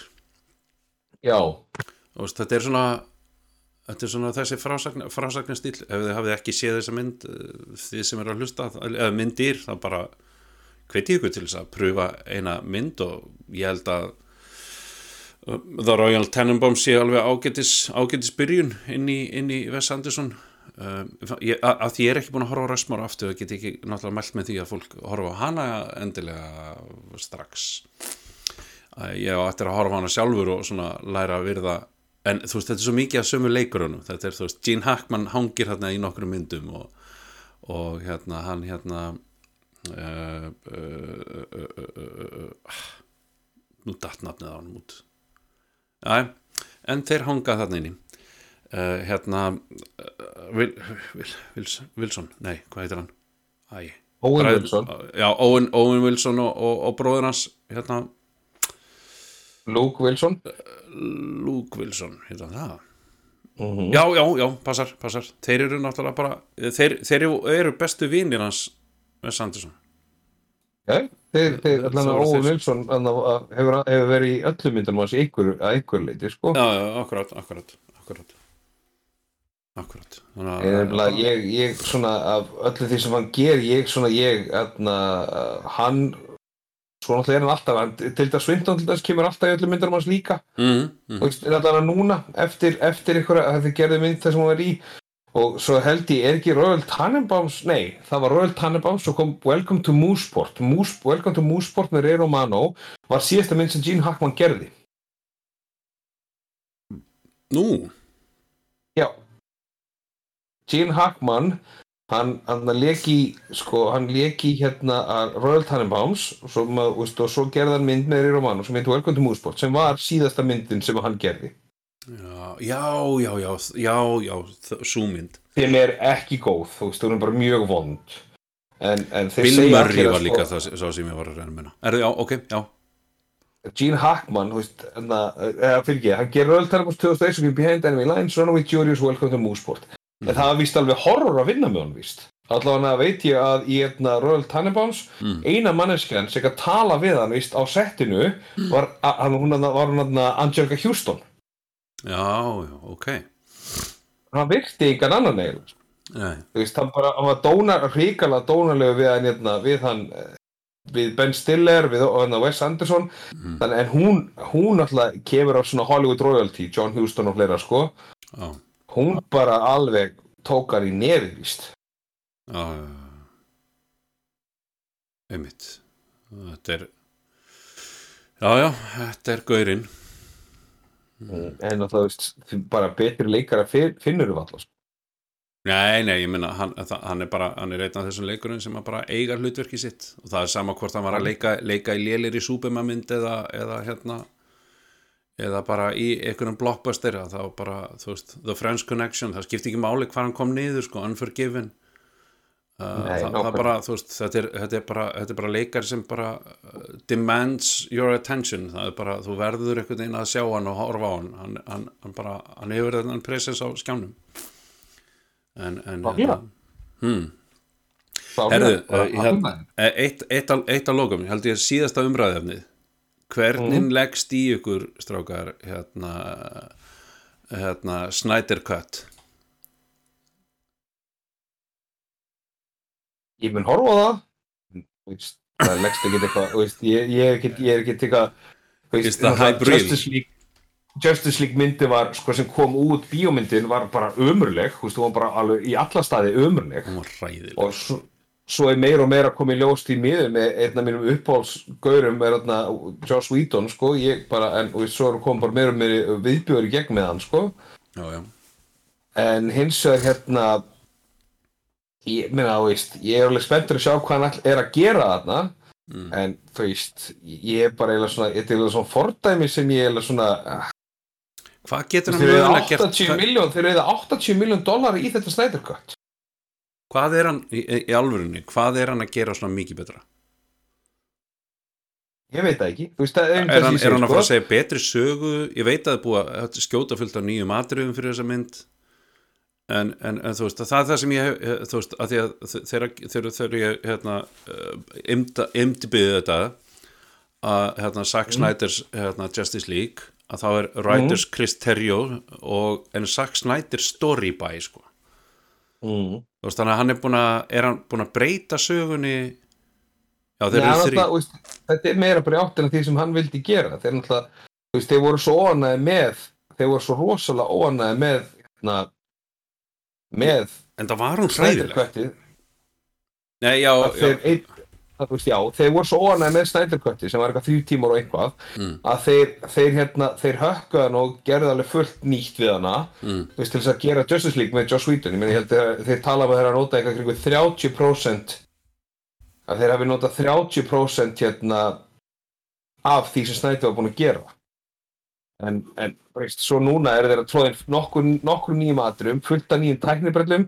Meðan þarna kemur enna, Apocalypse kemur einmitt í þessari. Mhm. uh, og hönnunin á hérna og hönnunin á Steppenwolf er miklu betri. Allan sko það sem ég séð. Mhm. en þú veist, ég veit samt ekki, þú veist, ég, þú ég veit ekki. Ég bara veit ekki. Ég, veit, Nei, ég meina, ég, þú ég- okkar að sjá hana en ég er ekkert eitthvað ég er ekkert eitthvað að deyja, skilur Já. Nei, nei, nei, nei, alls ekki. Ég er ekki að fara að kaupa hana hérna inn, í, inn, á, inn á Google eða, eða neitt svoleiðis, þú veist, ég er ekki að fara að kaupa mér aðganga þessari mynd sko. það er bara, þú veist, þeir, það þarf eitthvað það þarf eitthvað svakalegt að gerast til þess að ég hérna, samþykki það að, að fara að borga mig aftur inn á svona kjaftaði sko.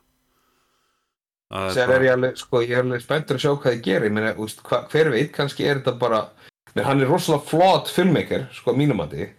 Sak. Þú veist, já, já, já, ég meina, mér fannst, mér fannst, sko, mér fannst Watchmen, veist, mér fannst fullt af rosalega góðum hlutum í Watchmen, en þú veist, en svo eru aðri hluti sem eru bara hörmung. Þú veist, eins og ein, hann kann ekki að gera, hann kann ekki að setja tónlist í myndina, hann kann ekki að velja lög. ef, ef, ef, ef, við ættum að, ef við ættum að taka hans kvikmyndastíl og setja hann inn í eina mynd og þá myndi ég segja Man of Steel var í myndin þó sem Watchmen var rosalega góð ég held að hann hafi bara í 300 var náttúrulega geggjuð sko. En af hverju gat hann ekki sett Man of Steel að sög, almennlega sögu í Man of Steel? Af hverju gat hann Ég- ekki gert almennlega, almennlega mynd úr þessari mynd? Hvað hva, hva, hva ger- gerðist? Hann gerði líka hræðilega, hann gerði náttúrulega líka hræðilega, veist, þarna þessi Sucker Punch var alveg hor- horror, sko. hún var viðbjöður veist, hún var, hún var, hún var algjörlega ófylltur. og, og Legend of Guardians the Álska húl Ég reyndi að það er rosalega gaman að henni, mér varst hún skemmtilega episk. Æ, hún var hún var vond hún var En þannig að, ég meina, ef þú ætlar að sjá svona, þú veist, hann í hnótskuld, sko, hann með algjörlega free reign, þá var það Sucker Punch. Já, er það? Hann, hann var ekkert sem stoppaði þar, þú veist, hann fekk bara fullt af penning til þess að gera mynd algjörlega til sínu höfði og hún er bara horror. Bara mjög léleg. Þetta er einmitt, þú veist, ég held að, ég held að ok, ef ég, ef ég fer svona, ef ég fer svona yfir hérna bara kvikmyndafyrirlega hans, að þá held ég að myndi segja Watchmen væri myndin sem að er svona hans bara, uh, já er eiginlega bara mynd bara myndin, myndin sem ég myndi segja var í besta myndin sem hann gerði og, og af því að ef ég tek síðan og ber, ber Watchmen saman með allar hina myndirnar sem hann hefur Mhm. gert að þá er kannski hérna, Legend of the Guardians næstinni þó svo 300 sé geðveikt góð.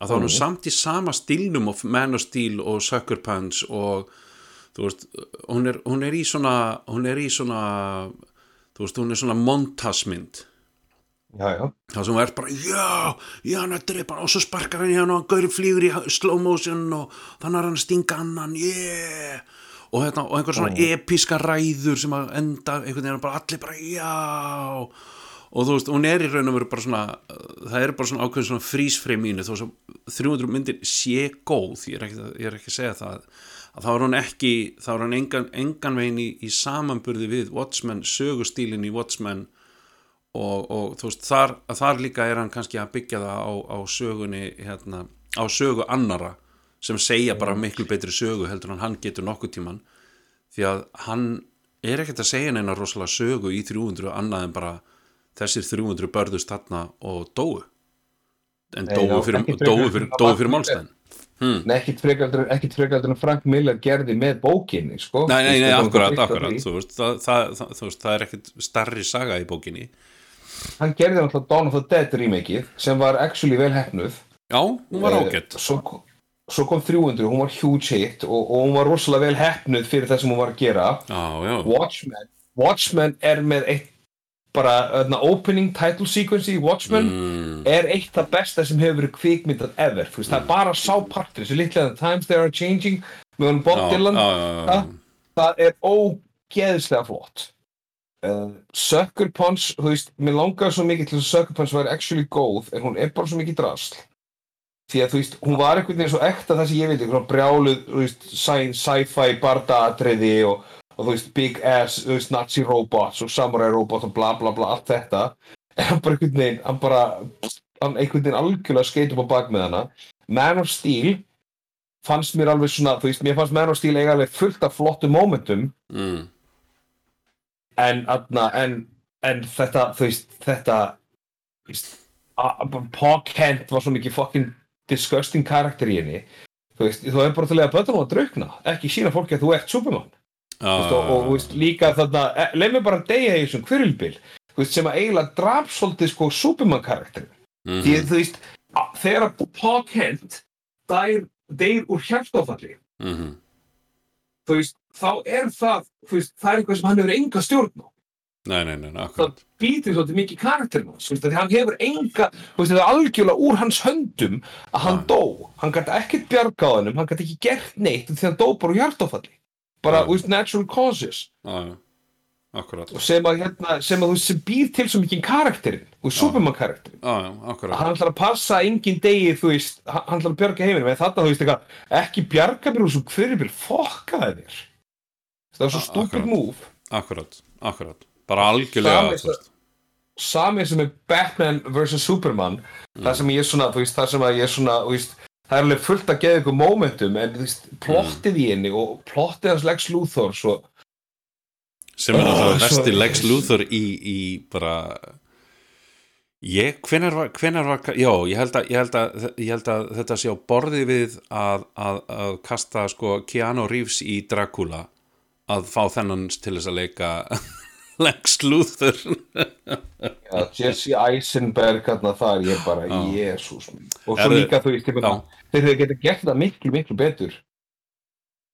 Já, bara, þú veist, það hefur margt sem er, þú veist, mér fannst myndin skemmtileg.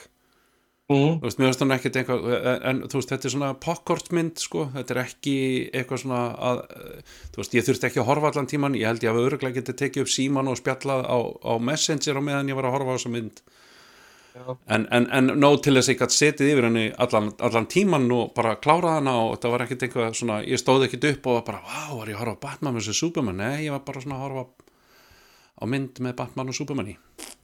Já, en þú veist, þetta er alveg eins og momentið, þú veist, þetta Martha momentið, þú veist, þegar hann, mammans, hann, Superman seti Martha og mammans Batman seti Martha. Og maður bara svona, ó, við erum bestu vinir, þetta er bara svolítið svo Step Brothers, have we Já, just já, become já. best friends?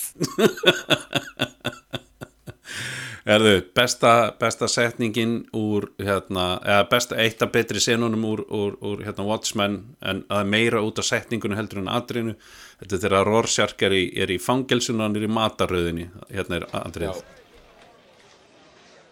Hey, Rorschach. Hey, you're pretty famous, right? you know what? I'm pretty famous too. Ain't that right? That's right. You know, maybe I can give you an autograph, huh? What you say, big boy?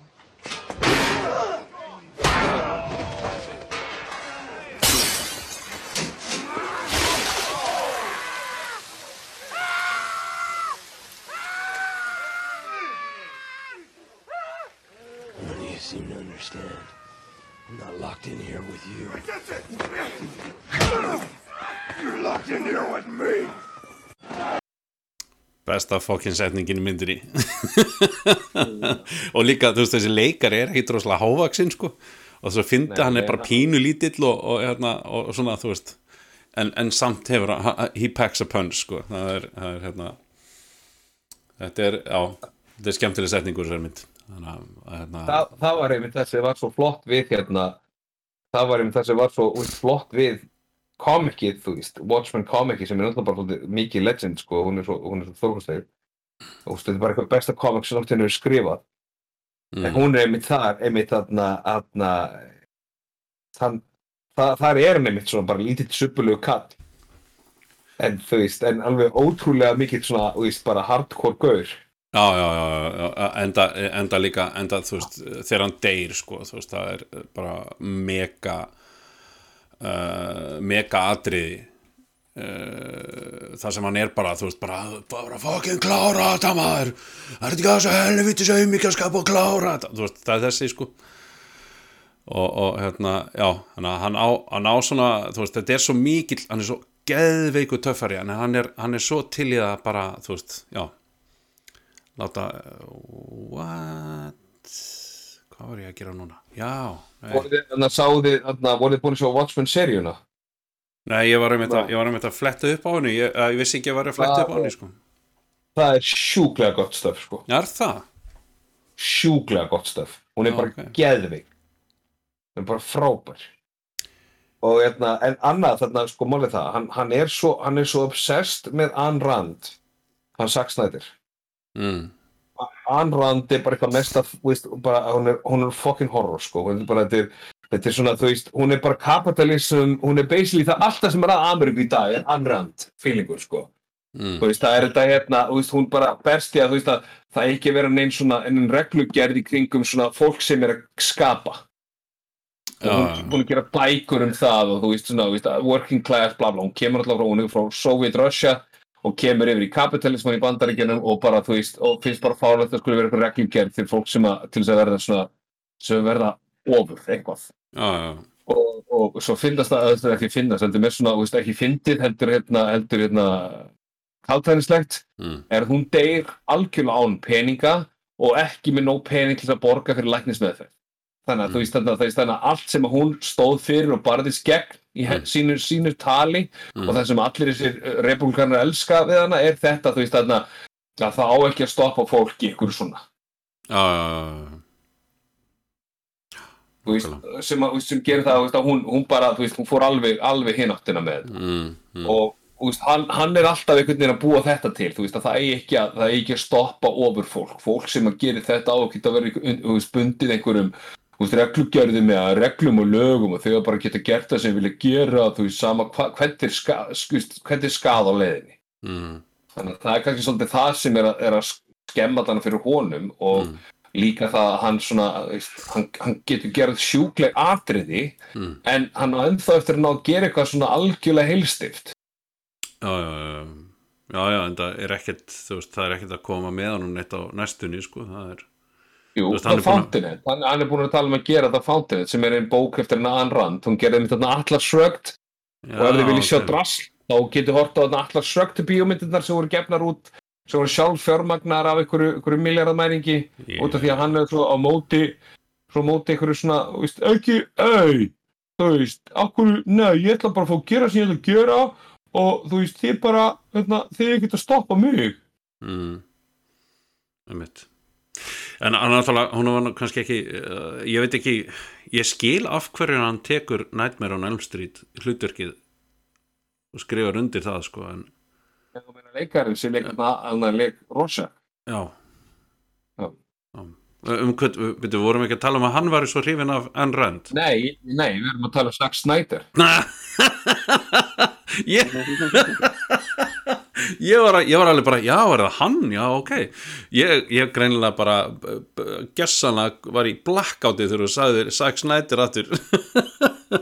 En veistu að það er bara, veistu að sko. það bara rosalega, bara rosalega fínt að Zack Snyder sé hrifin af henni og eldi hana því að hann er hvort er þá ef að þetta klikkar hjá honum að þá held ég að hann sé búinn í Hollywood. Ég held að, ég veist, ég ætla ekki ég ætla ekki einu sinni ég ætla ekki einu sinni að segja að ég hafi rangt fyrir mér og geti haft rangt fyrir mér þarna því ég held að ef að þessi Snyder klipping og, og hérna, hali ekki inn veist, peninga eflaust preis, ég held að hann fái ekki, ef hann fær ekki preis fyrir, fyrir að, að bara bara umturna þessu og gera þetta að því besta sem að fólk hefur séð bara þetta er ástæðan fyrir því við byðum eftir Zack Snyder útgáfinni og allt þetta ef það er ekki þetta preis sem hann fær að þá held ég að hann sé búin í Hollywood ég held að hann sé bara, þá, þá einmitt fer hann í einhver svona sjálfstyrt hérna sjálfstyrt handrit sem að hérna, eftir þess hann er, að, það er að koma náttúrulega mynd á Netflix sem hann var að leikstýra